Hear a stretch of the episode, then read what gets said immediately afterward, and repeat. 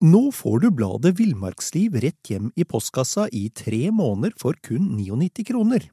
I Villmarksliv kan du lese om norsk natur, ærlige tester av klær og utstyr, og mange gode turtips skrevet av erfarne friluftsfolk, fiskere og jegere. Send SMS VILL36 til 2205 og motta bladet allerede neste uke. Lev livet villere med bladet Villmarksliv. Mom deserves the best, and there's no better place to shop for Mother's Day than Whole Foods Market. They're your destination for unbeatable savings, from premium gifts to show-stopping flowers and irresistible desserts. Start by saving 33% with Prime on all body care and candles. Then get a 15-stem bunch of tulips for just $9.99 each with Prime. Round out Mom's menu with festive rosé, irresistible berry chantilly cake, and more special treats. Come celebrate Mother's Day at Whole Foods Market.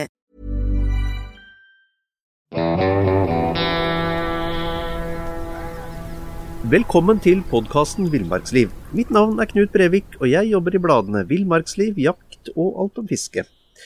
I dag skal vi snakke om fjell, fiske, jakt, og også litt om stor ørret på Hardangervidda. Og med meg har jeg mangeårig skribent og fjellfant Tom Furuseth fra Geilo. Tom er en av de aller dyktigste formidlerne av jakt og fiske og friluftsliv her i landet, og han har skrevet for Villmarksliv i en årrekke. Men, men Tom, eh, aller først, hvordan, eh, hvordan starta du ditt friluftsliv? Det starta i hvert fall tidlig. Og akkurat det var kanskje et naturlig utgangspunkt, ettersom eh, både besteforeldre, foreldre, ja, onkler og ikke minst mine egne søsken på en eller annen måte var lidenskapelig opptatt av jakt, fiske, friluftsliv. Og spesielt eh, vår egen far, eh, hans entusiasme over alt han så i naturen, enten det var spennende landskapsformasjon og flora eller fauna eller hvor det måtte være, så, så ble han en enorm inspirasjonskilde som, som vekka nysgjerrigheten til naturen. Eh, jeg kan, jeg kan liksom knapt huske at foreldrene mine leste sånne tradisjonelle eventyr av H.C. Andersen eller Asbjørnsen og Moe. Det, det var liksom ikke kultur for slike bøker i vår familie, men det gjorde ingen verdens ting for oppdikta fortellinger av overnaturlige vesen. Det ble liksom ganske tamt mot disse virkelige eventyrene vi opplevde i, i skog og mark i barndommen. Men, men, men hvor, eh, holdt jeg på å si, hvor, hvor tidlig var du på? Når var du Hvordan, hvordan, hvordan var inngangen på, på, på sett og vis? Nei, altså det der, det, det, er jo liksom, Jeg husker jo bare sånn eh, jeg tenker, Det var jo før jeg begynte på skolen, så, så var det der viktig. og vi, vi brukte jo altså vi, vi lekte jo ut i skogen. Dette er jo såpass gammel at noe barnehage var det jo ikke snakk om. En, Det var jo en gamle kjønnsrollemønstre med en far som jobba ute og en mor som var hjemme ved kjøkkenbenken. I hvert fall i den fasen der. og så Hun var hjemme og holdt fortet, og så var vi ute og lekte. og Da, da brukte vi jo skogen og naturen som en sånn lekegrill. Så, og så var det, altså Vi ble jo introdusert for uh, dette med fiskestenger og, og uh, ja, snekre fuglekasser og alt dette her såpass tidlig. Derfor så ble det en, uh, egentlig en slags del av leiken, på sett og vis. Til tross for at vi, vi var veldig unge. Mm. Så det var en fantastisk fin tid. Mm. Mm. Og det var, det var, helt klart der det starta, altså, det kan jeg si. Ja. Um, og, og jeg, lest, jeg, har jo lest uh, det meste av det du har skrevet opp gjennom åra, og, og, jeg ser at du også er opptatt av, av, det å formidle innsikt og kunnskap om natur og friluftsliv videre i, i, i sakene dine. Uh, jeg leste bl.a. En, en sak for en tid tilbake som du har skrevet, hvor du hvor du er med og lager, lager eller spikker rognepåk uh, og, og, graver mark, og, og, og unga får liksom være med på hele, hele, prosessen. Så det er jo åpenbart at du, du har satt deg for å, å, gjøre det samme videre. Ja, det, det, jeg tenker at det er med på å styrke din egen opplevelse. Uh, som, både i forhold til det at du liksom prøve å tillegge dere litt uh, kunnskap for din egen del. Da, som, som, gjør at du, når du er ute, så kan du liksom eh, da setter du større pris på det du, du ser og observerer. Men, men òg ved at du da ønsker å formidle nettopp den kunnskapen du har tidligere til andre, for at de skal, skal lettere få samme opplevelsen. Så Det å kunne dele på opplevelser, det, det, det er jo på en måte et slags flokkdyr, selv om vi friluftsfolk ønsker å være litt sånn ensomme ulver. Så, så er mennesket i bunn og grunn et flokkdyr. Og det å kunne gjøre ting og formidle ting og oppleve ting sammen, det, det er veldig, veldig sunt og fornuftig og, og deilig for oss alle sammen. Mm, mm. Um, men jeg tenker du, Mange gir seg jo med, med, med friluftsliv, de, de, har i hvert fall et opphold. Um, hvordan var din reise der? Hadde du et opphold i friluftslivet sånn i ungdomsåra, eller har du, vært, har du, vært, like aktiv hele veien?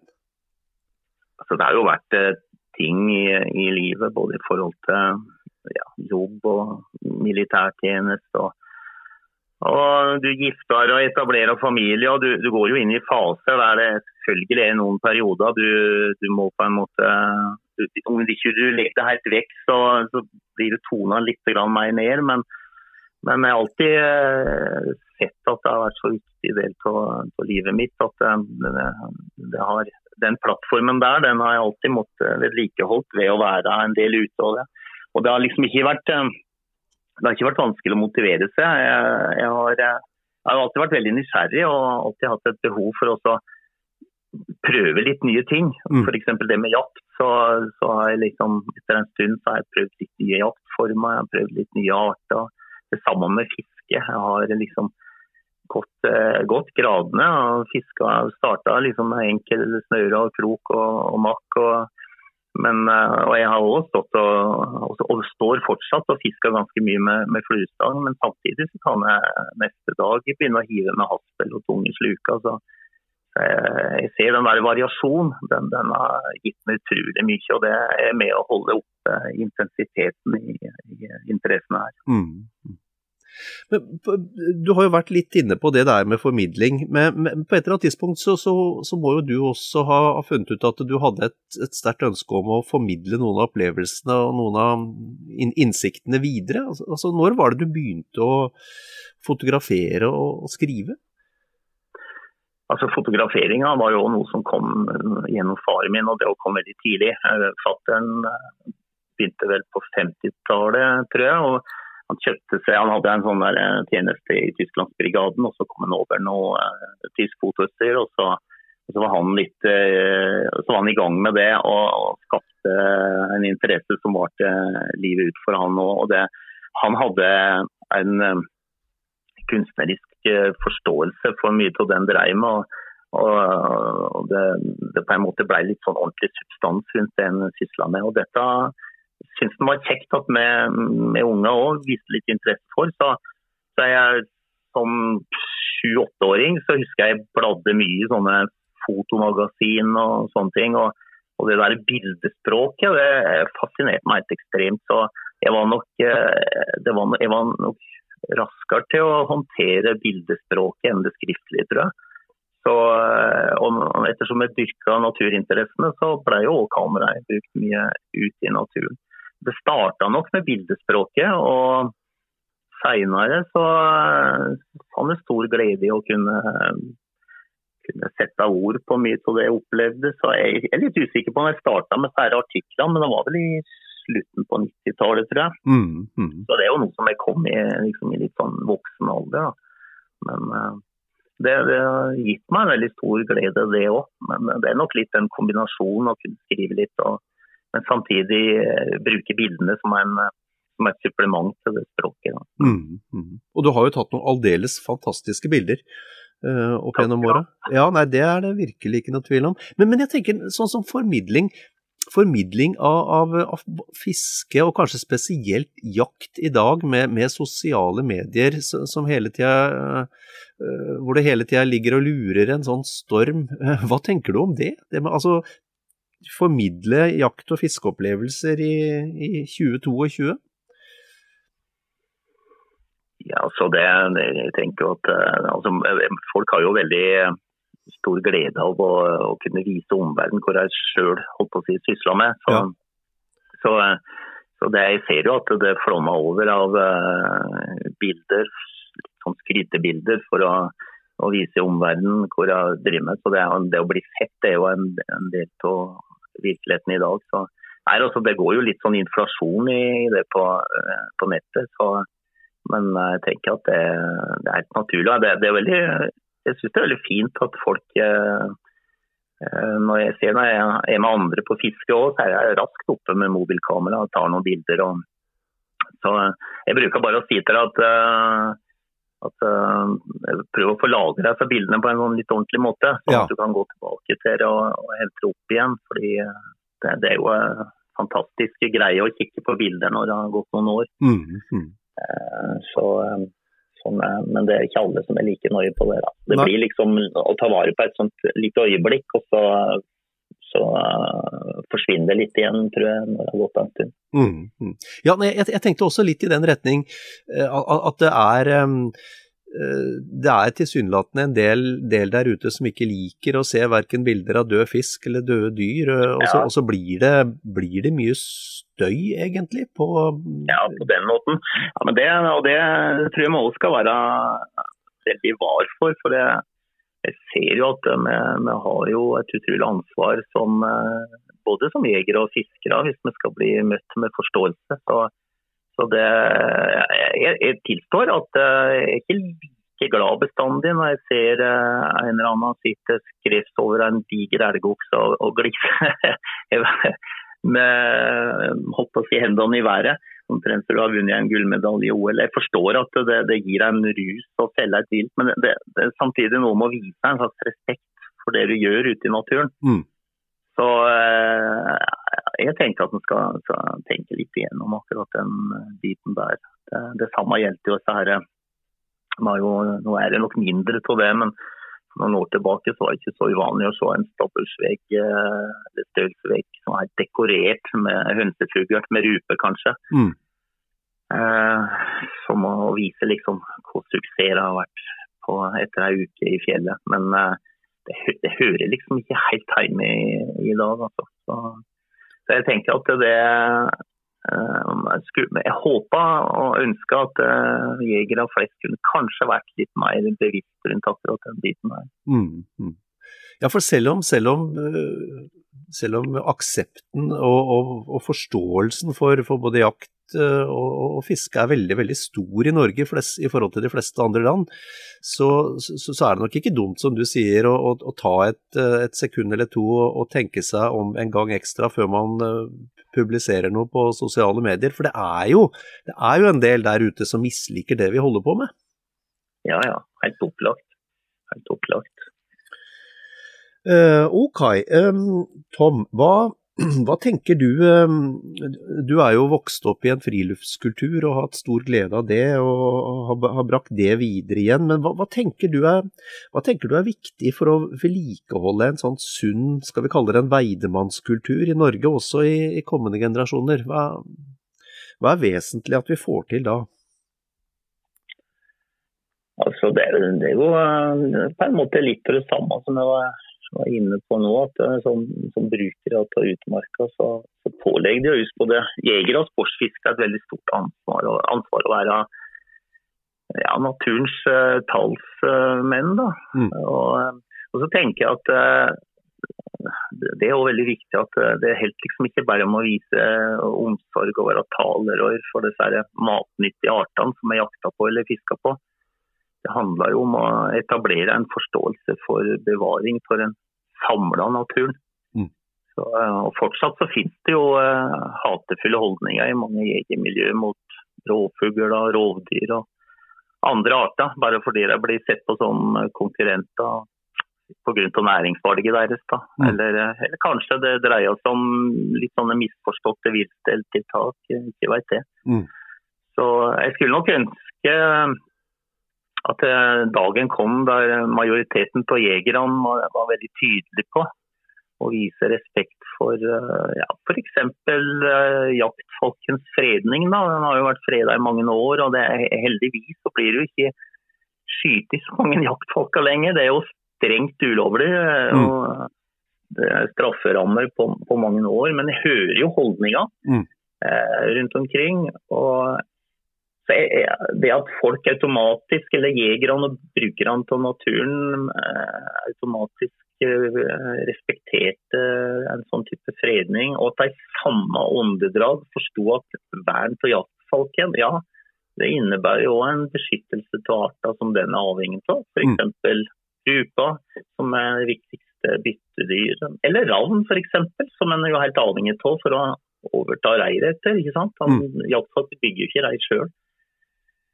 Så, og så handler det om å sikre naturen mot uh, tekniske inngrep, forstyrrelse, arealtap.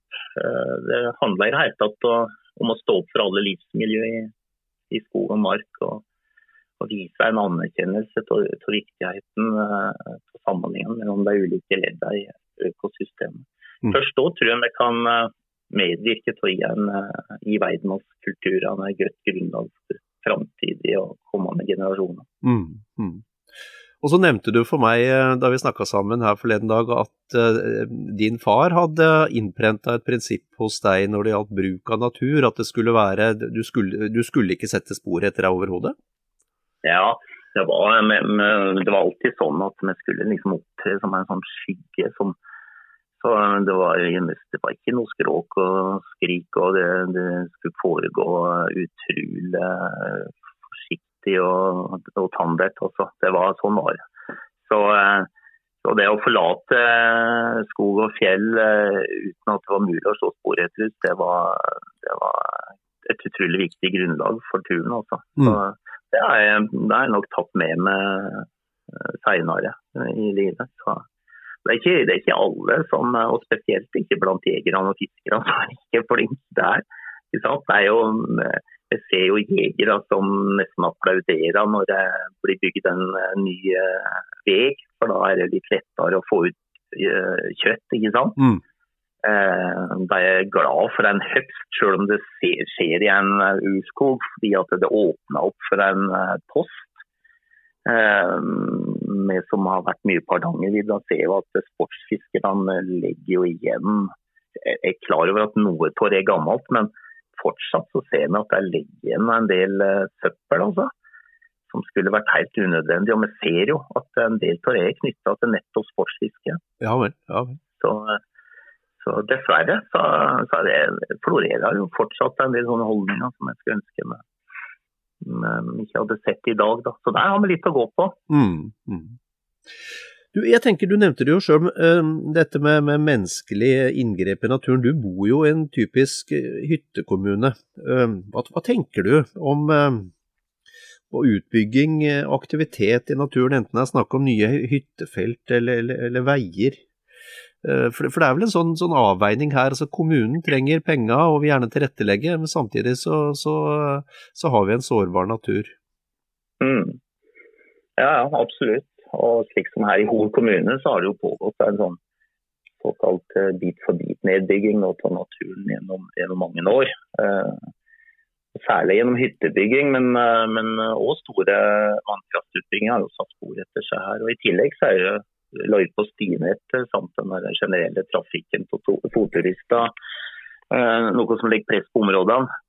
Og Så lenge kommunene våre har stor handlefrihet i forhold til forvaltninga av utmarka, så, så monner det liksom litt lite å snakke om uh, nettopp vern på naturen blant politikerne. Da, for motargumentet deres er jo ja, arbeidsplasser, skatteinntekter.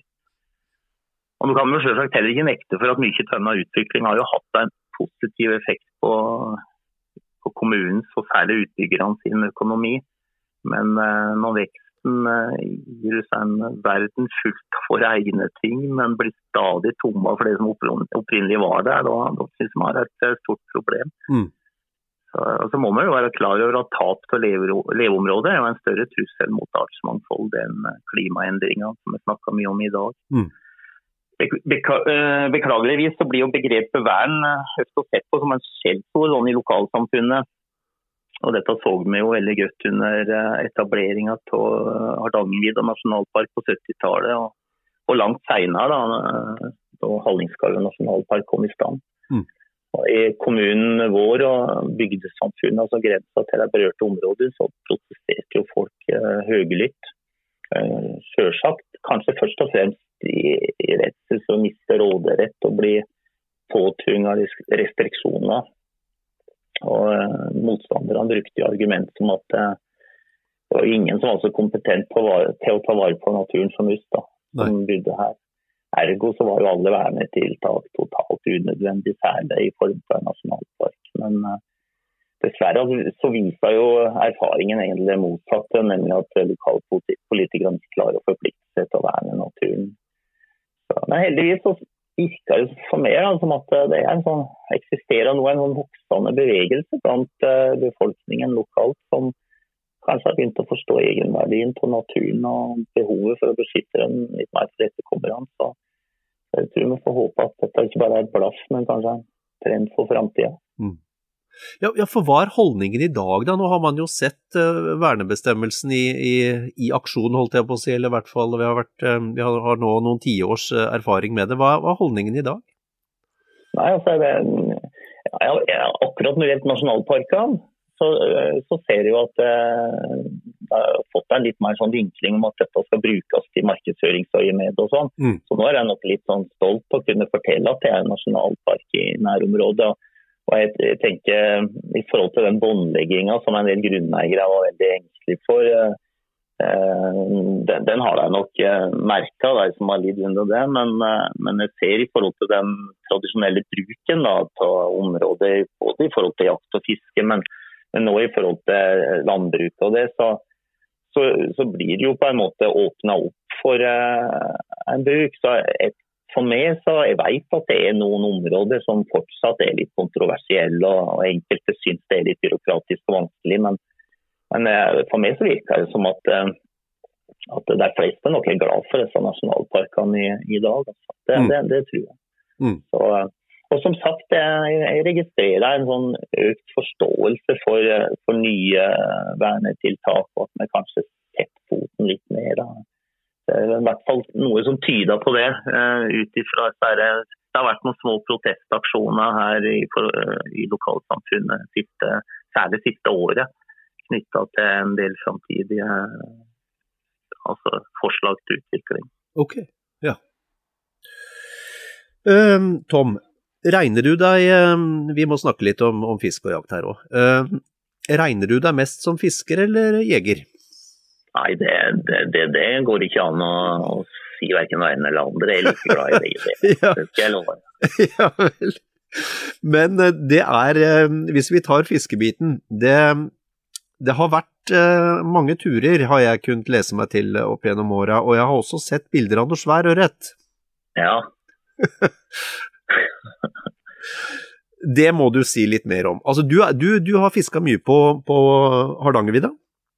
Ja, jeg bruker veldig mye Hardangervidda, men, men også eh, tilliggende fjellområder. Så, eh, men, det, men, det, er jo liksom eh, disse områdene der jeg opererer i stor utstrekning. Mm. Og som sagt, jeg har sett bilder av, av mye, mye svær og opp gjennom åra. Um, og hva er alle, alle drømmer om å ta en stor ørret på et eller annet tidspunkt. Ehm, hva er, hva er hemmeligheten der?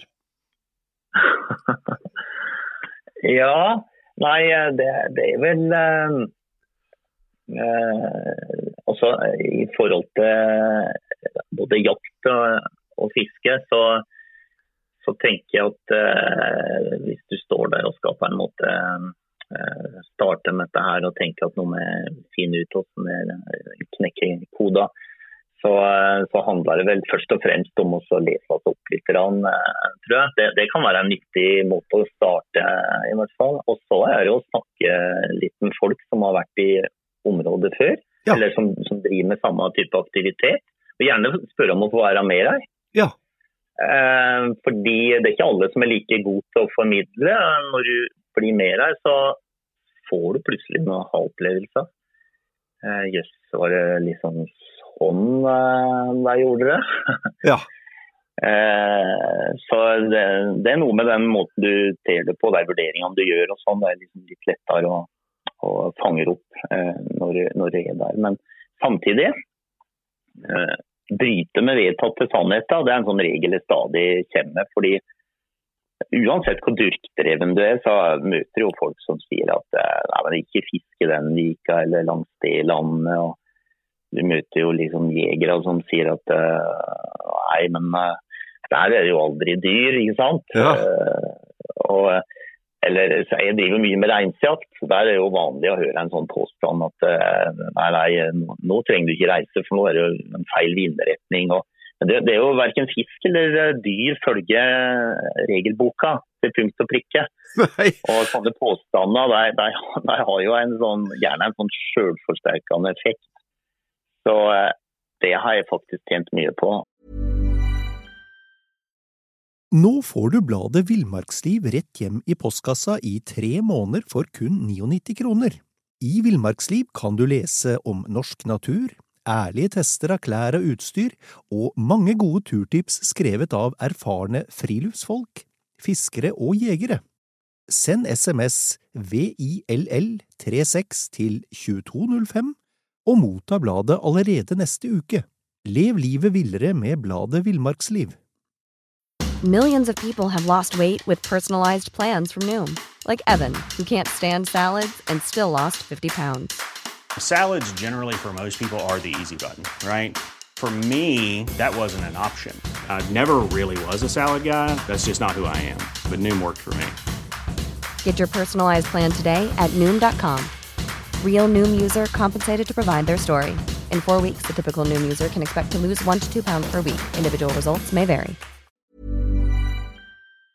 Og, og bare bryte med disse sannhetene som mange kjenner. Altså. Ja. Det, det, er i hvert fall helt sikkert. Så det, akkurat det tenker jeg er viktig å ta med seg. Og så er det jo å være masse ute og, og hente erfaringsgrunnlag. Eh, det er jo gjerne den erfaringsbaserte kunnskapen eh, du sjøl innhenter som du får mest nytte av. Mm. Så, eh, så det, det, handler litt om sånne ting. Og akkurat fiske, når du spør om det, så, så tenker jeg vel òg at eh, tidspunkt for eh, fiske, det, det har jo fulgt mye Laga mye statistikk og sånn opp gjennom åra. Det, det går litt igjen at eh, det går an å du, du, kan gjerne fiske litt midt på dagen og sånn, men, men, det er ofte veldig smart å, å satse litt hardere mørke og kveld, liksom. Mm. Mm. Så, eh, men igjen, det der at får du en god magefølelse for å prøve sjøl midt på blanke formiddagen, så må du gjerne gjøre det. Ja. men, men det, det, er noe med altså, Når du skal drive type fiske etter stor ørret og sånn, så, så er det liksom begrensa hvor mange timer du orker å stå der. og Da må du òg file ut litt tidspunkt der du satser litt hardere enn andre. Da. Mm. Og, så, og så ser jeg det, Tom, du, du er altetende. Du, du, fisker med flue, du fisker med mark, du fisker med sluk. Du er eh, men, men, holdt jeg på å si, hvis du, hvis du sammenfatter noe, hva, hva, er det sånn Hva er det mest effektive hvis, du, hvis man stiler etter å ta noen store ørreter en eller annen gang i livet? Hva er det, hva er det mest effektive metoden etter din oppfatning? Jeg tenker at uh, å gå med en, uh, en kasteslukstang eller haspestang som du kan uh, nå ganske langt ut med, som har god kasteevne. Mm. Og, og, da er det altså I perioder så er det uomtvistelig at det blanke metallet er mest effektivt. Det, har jeg sett gang på gang. og det er jo det er jo, Kanskje dreier det seg om en 70-80% og de fleste fiskbare dagene i løpet av sommeren, i hvert fall på Hardangervidda. Men så har du perioder som det er litt insektliv i overflata. Da, da, kan det være veldig lurt å fiske med, med flue og dupp. Og så handler det om å fiske effektivt. At du fisker på en måte Du beveger deg relativt hurtig rundt fiskevannet. Det er jo sånn at når du står i to timer, så, så vil alltid det første kvarteret være mest effektive så kan det likevel være at uh, du kan lure på en liten historie når du står der i to timer. Men hvis det er snakk om å, være effektiv, så fisker du sjelden mer enn 10-15 minutter på hver plass. Og du, du fisker liksom litt sånn i vifteform, at du avfisker området. Mm. Og uh, å være i bevegelse kommer det, kommer det gjerne rundt hele vannet hvis det ikke er større enn at det er mulig. Så um, Det, jeg tror jeg kan si det på den måten der. Mm. Men så handler det jo litt mer om jeg håper å si, bare fangsten du får òg. Så, så, av og til så er det jo utrolig deilig å å si, kaste ut av skikkelig makkeklyse og la han ligge der og ta livet med ro. Og jeg kjenner jo gode matfiskere. Jeg er ikke så på'n med det, men jeg kjenner jo gode matfiskere som også har gjort fantastiske, fantastiske fangster. Mm, mm. Så, eh, så, det er aldri noen regel uten unntak. Men ut ifra det jeg driver med, så, så tenker jeg at det, akkurat det der fisket der som jeg snakker om nå, er nok det mest effektive. Mm, mm. Og Når det gjelder fjellfiske på, på Hardangervidda, um, sluk, har, du, har du noen sånn fargepreferanser? Ja, det er det, og det er så subjektivt som det går an å bli, men, men jeg, jeg, har, jeg, vil alltid ha litt blankt på. Ja. Eller gull. Det er jo veldig tradisjonelt. da. Mm. Og så ser jeg at litt grønt det syns jeg ofte gir god suksess. Men jeg har, jeg har et par sønner som fisker vet så mye som meg, og de er ikke så nøye på det. Og de tar gjerne meg fisken ned, så jeg tror ikke det er veldig viktig. Men, men jeg tenker formen på sluket, det har jeg vel sjøl nevnt en del i disse artiklene. at den, den, det, har, det har overraska meg hvor bra disse sildeslukene fungerer f.eks. Og det har jo selvfølgelig noe med kasterekkevidda. Mm. De suser jo gjennom lufta som en pil ikke sant? og landa begripelig langt unna, uansett om det motvinner motvind eller hvor er. Men det er jo noe med at de går dypt. Og, og har en, en rask gange som innimellom er utrolig effektivt. Mm, mm. Så, men farger og sånn, det tror jeg han ikke skal hekte seg for mye opp i. Jeg, jeg syns det er viktig å ha et bra utvalg, fordi, fordi du, du, lager noen oppfattelser under fiske som er med på å stimulere til videre fiske. Altså det, det gir litt inspirasjon å bytte en sluk og prøve noe nytt, for du får jo liksom trua på den. Dette vet sikkert du alt om òg.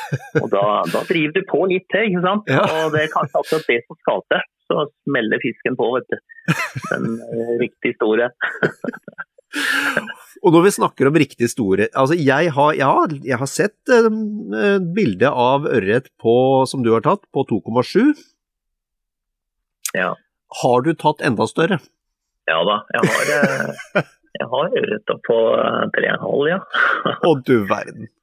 Så det har vært en fantastisk opplevelse. Jeg har vært heldig fordi eh, jeg har hatt den tilnærmingen til Hardangervidda som jeg har hatt. Og, og, jeg ser jo at det liksom, altså, den informasjonen jeg får om mange fiskevann, det, det, er litt sånn ferskvare på en måte. Så, så fiskevann som jeg tok uh, utrolig stor fisk i for 20 år siden, det, det, det, da trenger det ikke være sånn i dag, men det kan òg være motsatt. Mm, mm. Så jeg har liksom brukt vidda så mye, og da, da er jeg liksom Når jeg først har funnet et vann som har vært bra, så har jeg kunnet på en måte utnytta det litt. Grann, da. Men ja, så det, men det er jo det er ikke så veldig Ja ja, 2,5-3,5 kilo er det nok en del Hardangervidda, men det er ikke alltid like lett å få tak i. er ikke, men, men det er der, og ja, men det er en del som tar stor fisk der eh, gjennom året. Men jeg vil nok si at eh, vi snakker alltid om kilosfisk, og, og, du skal være virkelig fornøyd når du får en kilosfisk eh, på lang middag. Og, det, det, er jo, og det, det, er det gode muligheter for, absolutt. Mm. Og det er jo kanskje den beste matfisken. Og så, og så, har vi veldig lett for å snakke om stor ørret, og du har, jo, du har jo, tatt mange store. Um, men, men, det er vel heller ikke noe tvil om det, Tom, at du skal fiske ganske mange hundre sånn 100 grammer og 200 grammer før du får en kilos fisk? Det, det, skal du jo gjøre. Så er det jo noen fiskevann som er så store ikke finnes i. Da. Men, men, fortsatt så er det jo en del overbefolka fiskevann. Og, det, og da, da, kan du nå stå der hele livet uten at du tar fisk over 200 gram. Ikke sant? Ja. Så, så det, det, må jo, det, må jo, først og fremst ta potensialet for det. Men på, på, akkurat på vidda så er, er, jo næringsforholdene generelt veldig bra med, med mye grunnåte osv. Så, videre. så så det, det, det, ligger absolutt til rette for, uh, for storfisk veldig mange steder. Altså. Og, og Vida er jo full i fiskevann. Mm, mm. så, uh, så, en del av turene mine har jo handla om å bare rangle som, som en tater, holdt jeg på å si. Og, og med tett på ryggen og, og prøve litt uh, de plassene kommer over. Og det, du kan fiske i fem fiskevann uten å få en fisk, men plutselig så har du en opplevelse for livet. Så, så det, det, er utrolig spennende, akkurat det. Mm, mm. Du, jeg tenker, eh, For en mann som er så mye på farten som deg, så mye, i fjellet, hva, hva, hva, tenker du om utstyr? Eh, det har jo blitt et voldsomt fokus på utstyr de siste ti åra, og det har vel det har vel fordi, kanskje blad, altså magasinet også litt, litt av skylda for, men hva tenker du om, om dette med vekt og pris, kvalitet? Hva, hva legger du vekt på når du, når du setter sammen utstyr for, for turer? Ja, altså, For det første så syns vi at det er veldig mye utstyrshysteri og jåleri blant livsfolk. da. Mm, mm. Og Det er jo ikke måte på hvilket argument eh, som blir konstruert for å forsvare kjøpt og klær og nytt utstyr. og det, det, er sikkert eh, mye takket være til bladet ikke har soya. Eh, men det er selvfølgelig opp til hver enkelt hvor jeg ønsker å legge aktiviteten. Og noen kan du for noen kan sikkert gi en eh, tilfredsstillelse f.eks. å ja, jakte med et våpen til 80 000, selv om du strengt tatt skyter like bra med ei børse til noen få tusenlapper. Mm. Men, eh, men jeg, jeg, har vært veldig, i hvert fall i måten min å kommunisere til andre på, så har det vært veldig viktig å, å ikke gjøre inngangsportalen til friluftslivet for trangt. Eh, og Derfor er det fornuftig å formidle til, til Ola Kari kan du si at det må jo ikke koste så mye. da.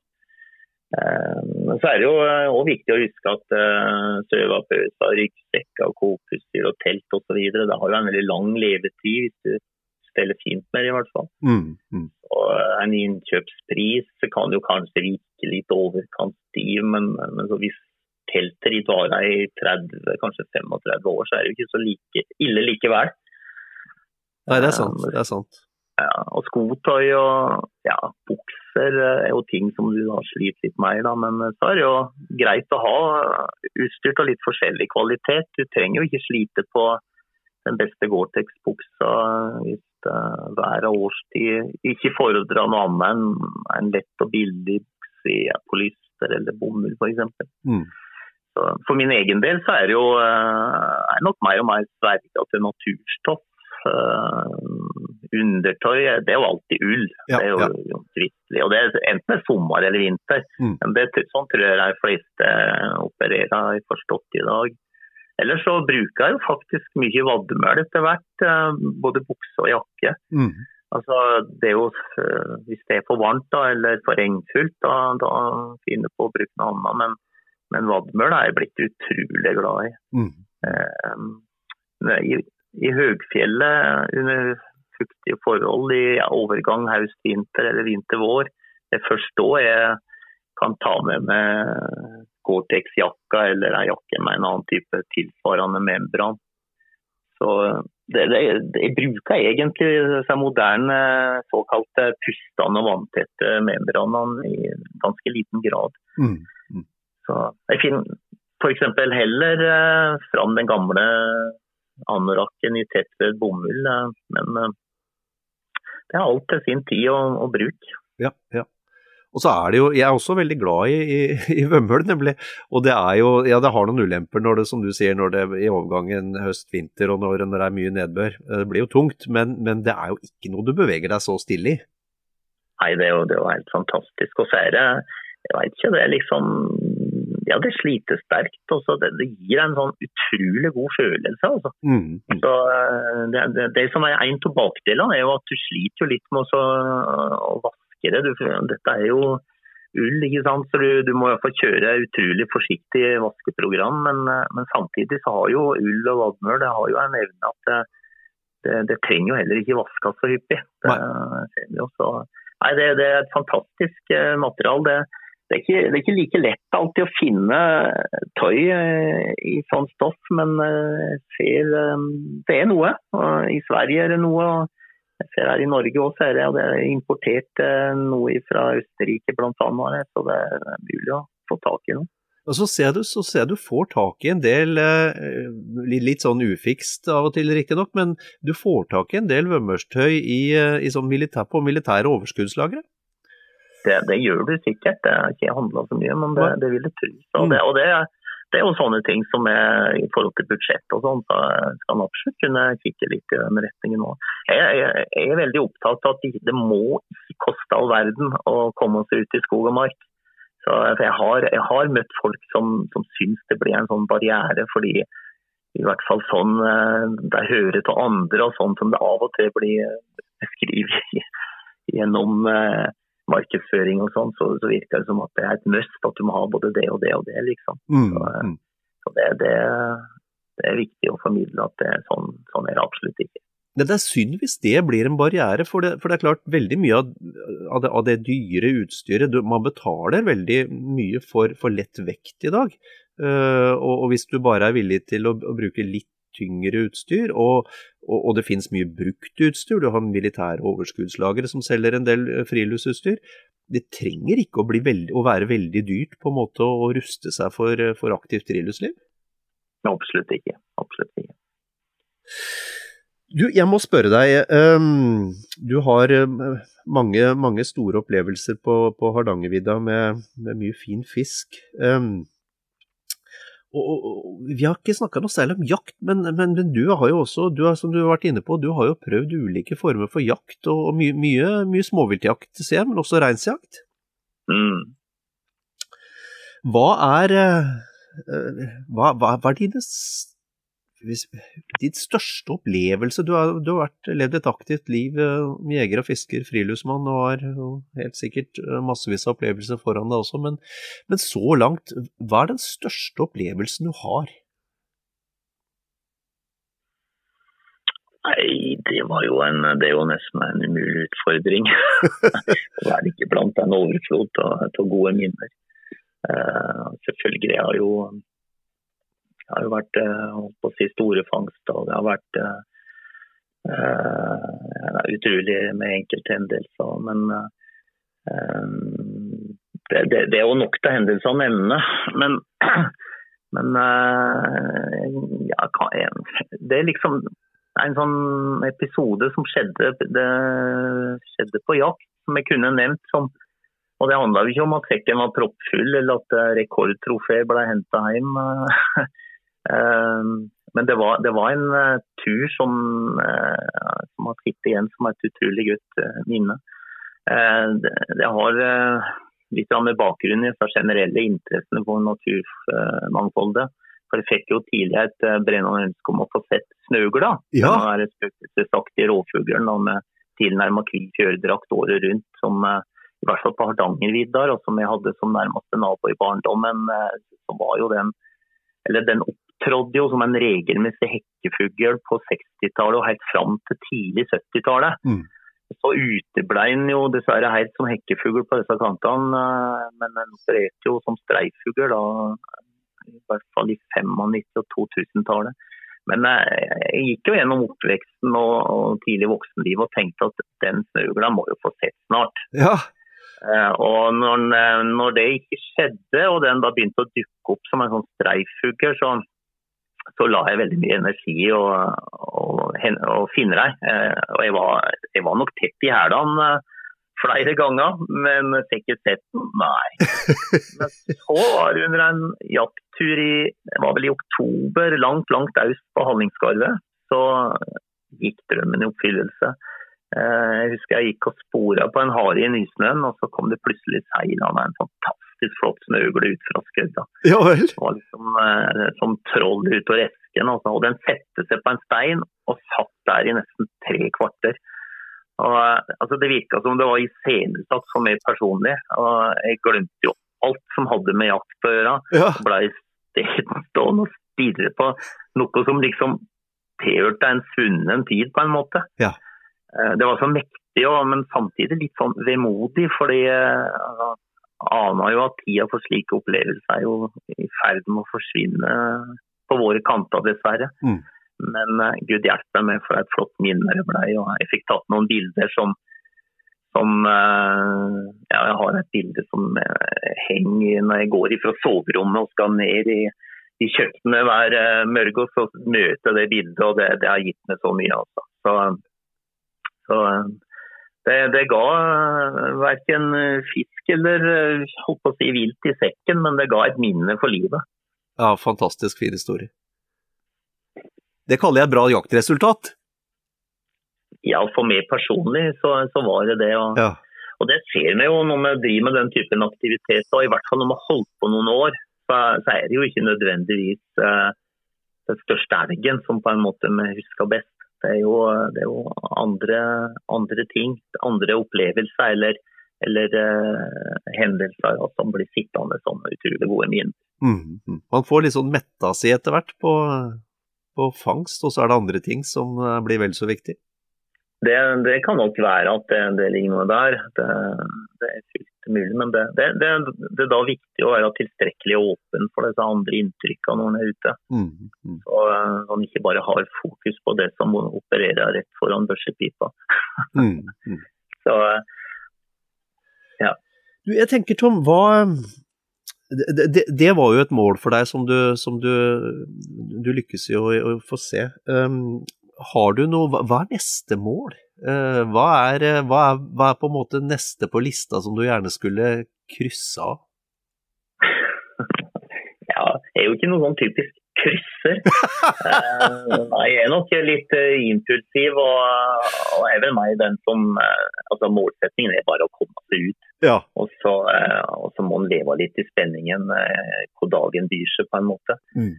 Så akkurat det med, med snøugla, det, det, det var veldig spesielt. da, men det, så det ble jo et brennende ønske. Men, men utover det så, så, så er det nok mest å, å være ute og ta imot inntrykk av det.